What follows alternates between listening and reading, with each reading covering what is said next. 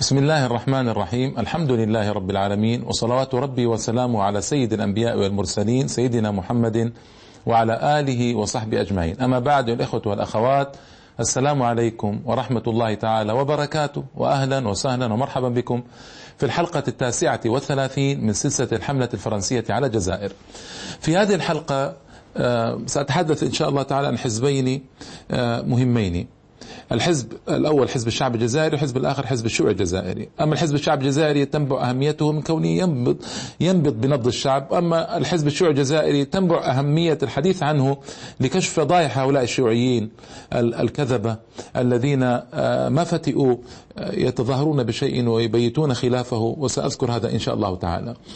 آه، حزب الشعب الجزائري قام على أنقاض حزب نجم شمال إفريقيا المجيد. وكنت حدثت عنه في حلقات سابقة أن فرنسا حلت حلت هذا الحزب في سنة 1937 فصار هناك فراغ سياسي كما يقولون. فأنشأ مصاي الحاج حزب الشعب الجزائري سنة 1937 في باريس. هذا الحزب في الحقيقة نشأ آه، نشأ لجزائر خاصة. لأن حزب نجم شمال إفريقيا المجيد وقبله نجم شمال إفريقيا نشأ لأجل المغرب العربي بكامله أو شمال إفريقيا كما كان يسمى آنذاك. طيب آه، معه تونس ومعه المغرب الأقصى كان يدعى مراكش. فهلا شعر أهل تونس وأهل المغرب بأن الجزائر قضيتها صعبة فلا بد أن ينسحبوا عن هذا الحزب وأن الجزائر قضيتها متشابكة أما قضية تونس والمغرب فسهلة مجرد حماية لكن مشكلة الجزائر مشكلة وفرنسا تعد جزءا منها فلم يرضى التونسيون والمغاربة أن يندرجوا تحت هذا الحزب الحزب نجم شمال إفريقيا، لذلك راعى مصالي ومن معه أن يكون هذا الحزب جديد للجزائر فقط. ما يدخل معهم أحد غيرهم.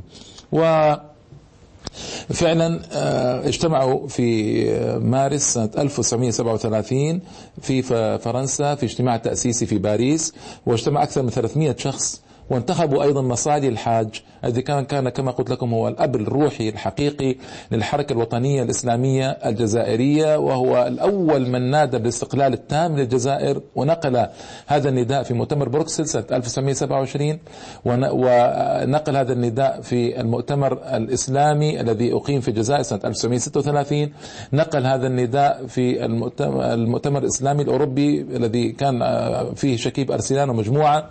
يعني أول من نادى في العالم باستقلال الجزائر التام عن فرنسا. فلذلك فعلا أب أب كبير للحركة الوطنية الجزائرية. سيأتي حديث عن مصاري بالمناسبة في آه، الحلقات القادمة على شكل أوسع. لأهمية الحديث عنه لأن في الحديث عنه تبيانا واضحا للفراق الذي حصل بين آه، مسار مسار الثورة الجزائرية والمسار الإسلامي الناصع. فاختل المسار حقيقة قليلا. ذلك سأذكر هذا فيما بعد. آه، انتخب مصالح الحاج رئيسا قرر بسرعة نقل نشاطه إلى الجزائر. فنقل هذا النشاط إلى الجزائر سنة 1937 في 18 يونيو وبذلك أصبح حزب الشعب منظمة سياسية وقوية وقوية جدا. وحركة وطنية عرفت بالانتشار الواسع والتنظيم الدقيق في المدن الجزائرية كلها الأساسية يعني واستفادت من مناضلي الحزب الماضي. اللي هو نجم شمال إفريقيا وتجاربهم السياسية. وأصدروا عدة صحف لبث أفكارهم ونشر مبادئهم آه، منها صحيفة الأمة وصحيفة الشعب الذي كان يديرها الشاعر الجزائري الجزائري والكبير مفدى زكريا شاعر مفلق آه، معتبر في الحقيقة ما شاء الله شاعر مطبوع آه، مفدى زكريا هذا. وهناك صحيفة عجيبة اسمها البرلمان الجزائري كانت تصدر من سجن الحراش. وكانت تطبع وتوزع في الخارج. وهذا عجيبة فعلا. يعني تصدر من سجن وتطبع وتوزع في الخارج لكن آه، آه، يعني هذا يدل على عزم إخواننا في الجزائر جزاهم الله خيرا. وبالمناسبة يعني أظهر إخواننا في الجزائر عزما رائعا منذ أن وطئت فرنسا الجزائر سنة 1830 إلى الخارج سنة 1962 62 وهذا العزم يندر وجوده وعزم رائع وجميل وجليل في الحقيقة آه، لإخواننا هؤلاء. المهم آه، يدل على أصالة في الشعب الجزائري وتعلق بالإسلام وتعلق بالهمة العالية والأعمال الجليلة. برنامجه ما يختلف عن برنامج نجم شمال إفريقيا. ما يختلف. آه، ينادي بإنشاء حكومة جزائرية مستقلة ينادي بعدم التبعية لفرنسا إنشاء برلمان جزائري احترام اللغة العربية والدين الإسلامي إلغاء قانون الأهالي المخيف. وكنت حدثتكم عنه أندجنا أو أندجنس آه، إلغاء كل القوانين الاستثنائية ضمان حرية التعليم وحرية الصحافة هكذا. لكن كان له شعاره الخاص. لا تحرر آه، لا اندماج لا انفصال ولكن تحرر. لا اندماج طبعا أكيد. ولا انفصال تام 100% لكن تحرر. هذا الشعار هو كان يريدون من هذا الشعار فقط مداراة فرنسا حتى يبقى الحزب ولا يلغى في فرنسا. وإلا فمن الذي أسسه؟ مصالح الحاج. مصالح الحاج آه، أعلن قبل هذا بعشر سنوات الاستقلال التام عن فرنسا. فلا يخفى ابدا مراد الحزب على الحقيقة. لكن كانوا مضطرين لذلك حتى آه، ينتزعوا الاعتراف الفرنسي ويستمر الاعتراف الفرنسي بهم والا يلغى وجودهم في الجزائر السياسي. اتسعت قاعدته الشعبية صار حزبا وطنيا يعبر عن مطالب الشعب السياسية حقيقة. فرنسا طبعا تراقب عن كثب عن طريق آه، عملائها الخونة وسأتحدث عن العملاء. هذه إن شاء الله في حلقة منفصلة لأهمية الحديث عنها. وأيضا عن طريق جواسيسها الآخرين من أوروبيين وغير أوروبيين. المهم آه، تابعت نشاط الحزب بعين فاحصة ومدققة. ولم تتوانى في إصدار قرار حله في سنة 1939 يوم 26 سبتمبر. يعني مكث آه، قرابة سنتين وثلاثة أشهر. قرابة سنتين وثلاثة أشهر هذا الحزب. وزجت بزعماء بالسجن وحكمت على مصائل الحاج بسجن طويل لأشغال شاقة. وهنا طبعا طويت صفحة هذا الحزب. هذا كلام في 1939 سبتمبر لما آه، لما قامت الحرب العالمية الثانية. وانتقل الجزائريون السياسيون هنا للعمل السري. العمل السري ولم يخرجوا إلى العلن إلا عندما نزلت قوات الحلفاء إلى الجزائر سنة 1942 وهذا له حديث آخر يطول وسأتحدث عنه فيما بعد إن شاء الله تعالى. إذا هذا حزب الشعب الجزائري باختصار وأنا بالمناسبة أيها الإخوة والأخوات لا يغرنكم كثرة الحلقات فأنا أوجز وأوجز كثيرا حتى أبقي عدد الحلقات في نطاق المعقول. والمقبول. لأن لأن استخرابا دام 132 سنة لا يمكن أن يوجز في 20 30 40 50 حلقة. ما يمكن. حتى لا نقفز فوق الحقائق حتى لا نعطي حقائق منقوصة مبتورة مشوهة. لابد من آه، وقت ووقت متسع ومتسع لنشر آه، الحقائق. لأني أنا أريد ليس فقط القص وليس فقط آه، تذكير الأجيال أو تعليم الأجيال التي لا تدري بما جرى وهذا أمر آه، في حد ذاته أمر مهم لكن أريد أيضا لا أريد هذا فقط ولكن أريد أيضا أمرا مهما جدا وهو الاتعاظ والاعتبار بما كان يجري. فلذلك لا تتضايقوا من كثرة الحلقات فأنا أرى أنها ضرورة ومهمة جدا. لكن في الوقت نفسه آه، أنا أسرع وأوجز حتى كما قلت لكم أبقي عدد الحلقات في نطاق المعقول والمقبول. الحزب آخر مهم أن أتحدث عنه هو حزب الشعب حزب الحزب الشيوعي الجزائري. والشيوعية آه، تقوم على مبدأ لا إله والكون مادة وتقوم على إنكار الأديان وإنكار الإله جل جلاله وأن هذه الحياة الدنيا هي الحياة النهائية وأن إذا مات الإنسان يتحول إلى تراب ولا بعث ولا نشور ولا حياة آخرة. طبعا هذه المبادئ الباطلة الجاهلية التي هدمها الإسلام وكان يطلق عليهم أو يسمون في الإسلام قديما بالدهريين. آه، وما يهلكنا إلى الدهر. نموت ونحيا وما يهلكنا إلى الدهر كما أخبر عنهم سبحانه وتعالى عن عقيدتهم يعني. لكن الأحزاب الشيوعية نشطت أو وجدت في العالم العربي والإسلامي بعد الثورة البلشفية الكبرى في 1917 في روسيا. ونشوء الاتحاد السوفيتي والاتحاد السوفيتي دولة عقدية طبعا عقيدته الشيوعية. فنشر الشيوعية في العالم ووجدت الشيوعية في كل مكان في العالم تقريبا. إن لم تكن على شكل وجود شعبي جماهيري وجدت على شهية أحزاب. ولو كانت جماهير تمقتها ولو كانت جماهير تردها لكن وجدت بقوة الحكام المحليين وإرادة الحكام المحليين أو بالضغط على الحكام المحليين. المهم وجدت الأحزاب الشيوعية هذه في العالم العربي والإسلامي. آه، الحزب الشيوعي الفرنسي أسس سنة 1920 الحزب الشيوعي الفرنسي كانت له أجندة مرتبطة بالاتحاد السوفيتي كما هو معلوم. لكن هذا الارتباط يعني ارتباط عجيب لأنهم أيضا تحت طوع فرنسا وتحت ارتباط الاتحاد السوفيتي. فطبعا نحن نعلم أن الاتحاد السوفيتي مع فرنسا والغرب كان حلفا واحدا مقابل ألمانيا في الحرب العالمية الثانية لكن هذا هو الذي حصل. المهم الحزب الشيوعي الذي أسس الفرنسي أسس هو الحزب الشيوعي الجزائري سنة 1936 الحزب الشيوعي الجزائري ظل فرعا للحزب الشيوعي الفرنسي مدة طويلة من مطلع الثلاثينات وفي هيكلته في نظامه ظل فرعا.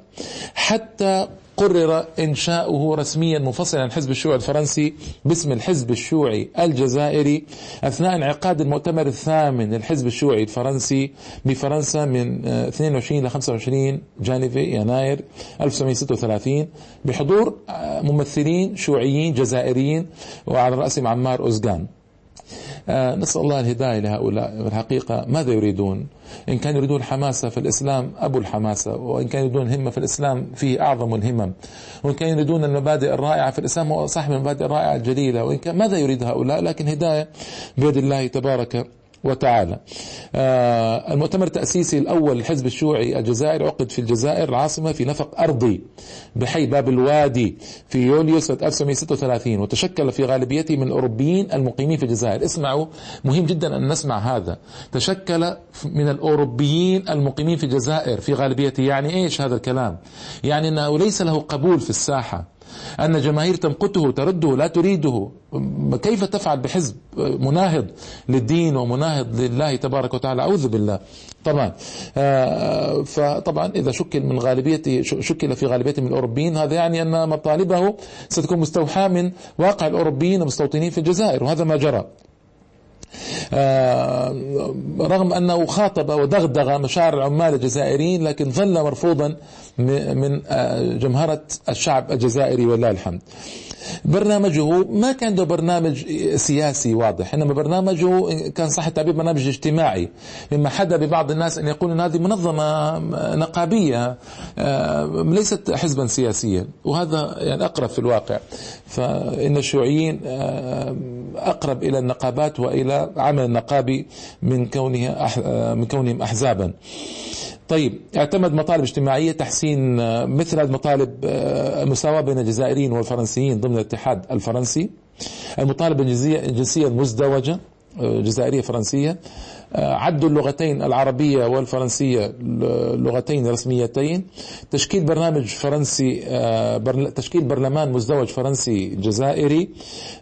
طبعا هذه المطالب في ذلك الزمان 1936 37 وما بعده لا يمكن أن تعد مطالب تعبر عن الوضع الجزائري آنذاك. ربما كانت مطالب تعبر عن الوضع الجزائري قبل 20 سنة من ذلك 1918 19 17 لكن ما تعبر عن وضع الجزائريين في سنة 1936 وما بعدها. كان وضع الجزائريين آنذاك مهيئا للاستقلال التام لنزوح فرنسا عن الجزائر. اذا ما كان يعبر عن واقع جزائري آنذاك. هنا الفضيحة الكبيرة في قضية الحزب هذا آه، أن مساره السياسي ماذا كان يصنع؟ ظل الحزب الشيوعي الجزائري على صلة وثيقة بالحزب الشيوعي الفرنسي. هذا اولا. حتى بعد أن استقل بمؤسسة في الجزائر وأنشئت وانتزع اعتراف آه، فرنسا لكن مع ذلك ظل مرتبطا بالحزب الشيوعي الفرنسي. معنى هذا أنه ظل مرتبطا بالقضايا الشيوعية العالمية. إذا كان كذلك ظل مرتبطا بالقضايا الشيوعية العالمية والطروحات اليسارية العالمية. وابتعد أكثر فأكثر عن الاهتمام بالقضايا الجوهرية للشعب آه، الجزائري. آه، طبعا أثر عليه هذا الارتباط. تأثيرا قويا وأصبح يأخذ بتوجيهات موريس توريز. موريس توريز هذا زعيم الشيوعيين الفرنسي موريس توري آه، زعيم الشيوعيين الفرنسيين. وإذا كان أخذ بتوجيهات ما من ذلك أنه لم يكن أو لم يكن نعم حزبا وطنيا إنما هو حزب خارجي آه، غريب على جسم الجزائريين آه، متطفل عليهم. والعجيب أن بعد ذلك أن الشيوعيين يريدون زعامة في البلاد العربية والإسلامية. كيف تأتي الزعامة. لذلك وهو ملاحظ هنا نقطة مهمة جدا. اتجه الشيوعيون للانقلابات العسكرية. لماذا؟ لأنهم ما وجدوا قبولا. ما وجد قبولا لأفكار وطروحاتهم المقيته البغيضة في ظل في أوساط الشعوب الإسلامية. ليس يدل على ذلك من محاولة انقلاب في السودان نعلم على نظام جعفر النميري حاولوا ينقلبوا على نظامه. في 1970 آه، أو 69 ربما. حاولوا أن طبعا عملوا عملوا انقلاب عبد الكريم قاسم في العراق سنة 1958 انقلاب دموي وشديد جدا وأذاق العراقيين الويلات وسحل الناس سحبوا بالسيارات في الشوارع على وجوههم وقتل كثير من العلماء وديسة المصاحف وكانت كارثة في العراق آنذاك. آه، محاولات انقلابية كثيرة في البلاد العربية والإسلامية. آه، عانت جاكرتا ما عانت في 1966 في انقلاب شيوعي ولكن الله نجاهم وهكذا. إذا الشيوعية هذه عندما لا تجد من يتعاطف معها وطبيعة مبادئها لا تجد تعاطفا في البلاد العربية والإسلامية تنقلب إلى العمل العسكري. تنقلب إلى العمل العسكري وتنقلب إلى العمل الدموي الذي يفرض بالقوة وجودها. وهذا طبعا ملمح واضح جدا في حياة الشيوعيين بل أوضح من واضح في حياة الشيوعيين وجدناه في بلدان كثيرة جدا آه، هنالك آه، في العالم العربي والإسلامي بل حتى بل في العالم الأوروبي أيضا عندما لم يقبل بهم آه، الأوروبيون قاموا بالانقلاب. ما سنة 1964 فيما أذكر دخلت الدبابات الروسية إلى تشيكوسلوفاكيا وقمعت الثورة الشعبية بالقوة. فهؤلاء ليسوا مقبولين ومع ذلك يدعون القبول في الشعوب. ولله الحمد نحن نتحدث اليوم عن الحقبة الشيوعية نتحدث عن حقبة هالكة مرت مضت إلى غير رجعة ولله الحمد. هؤلاء الشيوعيون لا ما عاد لهم أي وزن في العالم العربي والإسلام بل غريب بل الغريب أن عددا من هؤلاء غير جلده اليوم بعد سقوط الاتحاد السوفيتي وهلاكه في أوائل التسعينات غير هؤلاء جلودهم وانقلبوا بالنقيض إلى النقيض سبحان الله العظيم. يعني كانت مسيرتهم السياسية دائما تتحدث عن الإمبريالية الأمريكية عن الرأسمالية الغربية عن إمبريالية الغرب وسيطرتهم وعنجهيتهم سنوات طوال آه، ظلوا يتحدثون عن هذا. فلما سقط الاتحاد السوفيتي ما وجدوا إلا أن يذهبوا في المسار الرأسمالي ويركبوا الموجة الرأسمالية الغربية. يتلون مثل تلون الحرباء وسبب ذلك أن كثير من هؤلاء الشيوعيين كانت كان تشيعهم آه، كانت شيوعيتهم قائمة على المصالح قائمة على المصالح لا على المبادئ. آه، نعم إن كثير منهم كان يعتقد الاعتقاد الشيوعي لكن أيضا كانت تحركه المصالح والمطامع والمال والمناصب والجاه والزعامة. لذلك هؤلاء يسهل تغييرهم. إنما صاحب مبدأ الذي يبقى على مبدأ مهما تغيرت الأحوال وتغيرت الأمور يبقى على مبدأ هؤلاء أهل الإسلام. أهل الإسلام العظام الذين يبقون على مبادئهم مهما تغيرت الأحوال والأمور. انظر الفضائح الآن الحزب الشيوعي الجزائري وماذا صنع. لما أخذ بتوجيهات موريس توري آه زعيم الشيوعيين الفرنسيين لم يعد يتعاطف مع الجزائريين وأحوالهم ونكباتهم. مثال آه مجزرة مايو الشهيرة أول مايو 8 مايو 1945 مجزرة هائلة سيأتي الحديث عنها إن شاء الله قتل فيها قرابة 60 ألف من إخواننا الجزائريين وأخواتنا الجزائريات ورجال ونساء وأطفال كارثة كانت. آه، ما تعاطف مع الحزب الشيوعي الجزائري وهذه غريبة وعجيبة. آه، بل أكثر من ذلك آه، ذهب إلى أن يعد الجزائريين فاشيين ونازيين. تصوروا مجرد أنهم أرادوا نيل حقوقهم. والأحداث مايو ما كان في أي شيء من الفاشية والنازية سآتي عليها إن شاء الله تعالى. لكن هؤلاء فجر كذبة. وقف الحزب أيضا ضد الحركة الوطنية في أغلب المواقف. إذ رفض الانضمام إلى حركة أحباب البيان وستأتي سنة 1944 واصل تنكره المطالب الشعب الجزائري حتى اندلعت الثورة التحريرية. آه، كيف فعل في الثورة التحريرية؟ عدها عملية انتحارية. والدولة الجزائرية ما زالت في طور التكوين ولا تصلح آه، يعني أن تقاوم فرنسا الآن. بماذا تفسرون يا الإخوة والأخوات هذه المواقف؟ أنا ما أستطيع أن أفسرها إلا بالعمالة الواضحة. عمالة واضحة وكبيرة جدا لفرنسا. قوم قومك يجاهدون يعملون كل ما يستطيعون من أجل إخراج الفرنسيين من الجزائر. ثورة تحريرية انضم لها معظم قطاعات الشعب الجزائري والأكثرية كاثرة من الشعب الجزائري. يقفون موقف العداء منها ويصفون بأن عملية انتحارية ماذا يمكن أن يقال في حقهم إذن؟ عملاء؟ لا شك في كونهم عملاء.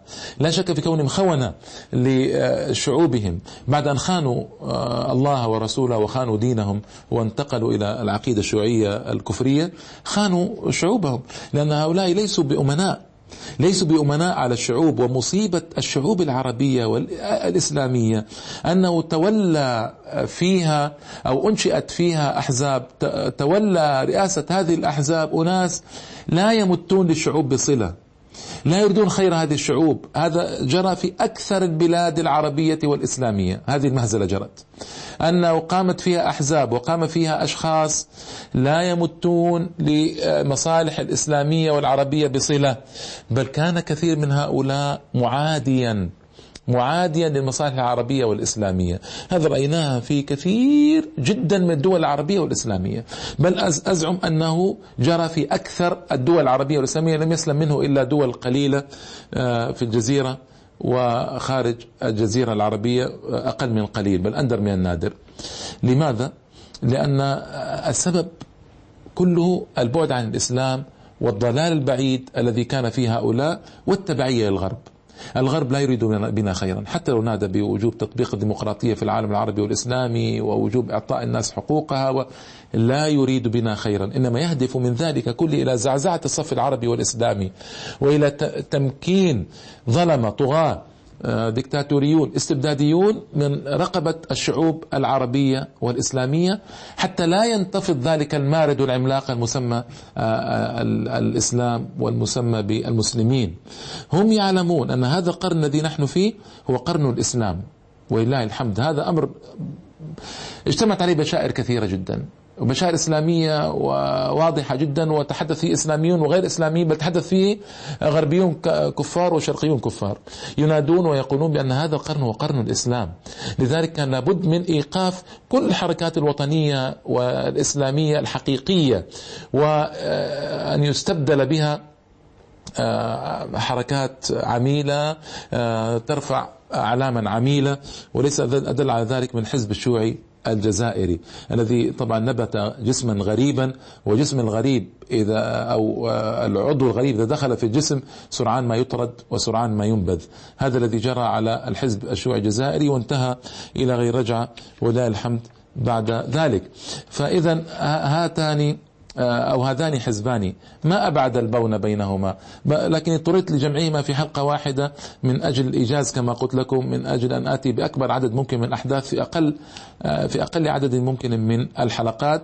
الحزب الشيوعي الجزائري والحزب حزب الشعب الجزائري. الحزب الشيوعي الجزائري بعيد كل البعد عن عن ذلك وعن مسار الحزب الشيوعي الجزائري وحزب آه، الشعب الذي حل في 1939 سينتج عنه وعن حله نهاية فرنسا ولله الحمد في الجزائر.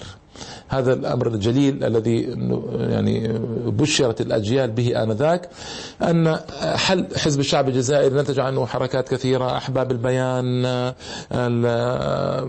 حزب الجيش جبهة التحرير الوطني حزب التحرير الوطني حركة انتصار الديمقراطيات المنظمة السرية كل هذا سأتكلم عنه إن شاء الله تعالى بإيجاز في الحلقات القادمة وأدى إلى قلع المستخرب الجزائري الفرنسي إلى غير رجعة من تراب الجزائر الطاهرة. وهذا أيضا يدلنا على أن الإنسان لا يأس أبدا ولا يقعد أبدا بل يستمر في العمل يستمر في النشاط. هذا مصاي الحاج رحمه الله. أسس نجم شمال إفريقيا حلة. أسس نجم شمال إفريقيا المجيد حلة. أسس نجم أسس حزب الشعب حل آه، جلس السجن مدة طويلة خرج واشتغل بعد ذلك كما سيأتي إن شاء الله تعالى. ومن معه من المجاهدين والمناضلين والعاملين ما قعدوا بعد كل هذه الفتن والمحن والابتلاءات بل واصلوا المسيرة إلى أن تحقق الاستقلال التام وإلى الحمد للجزائر بعد ذلك.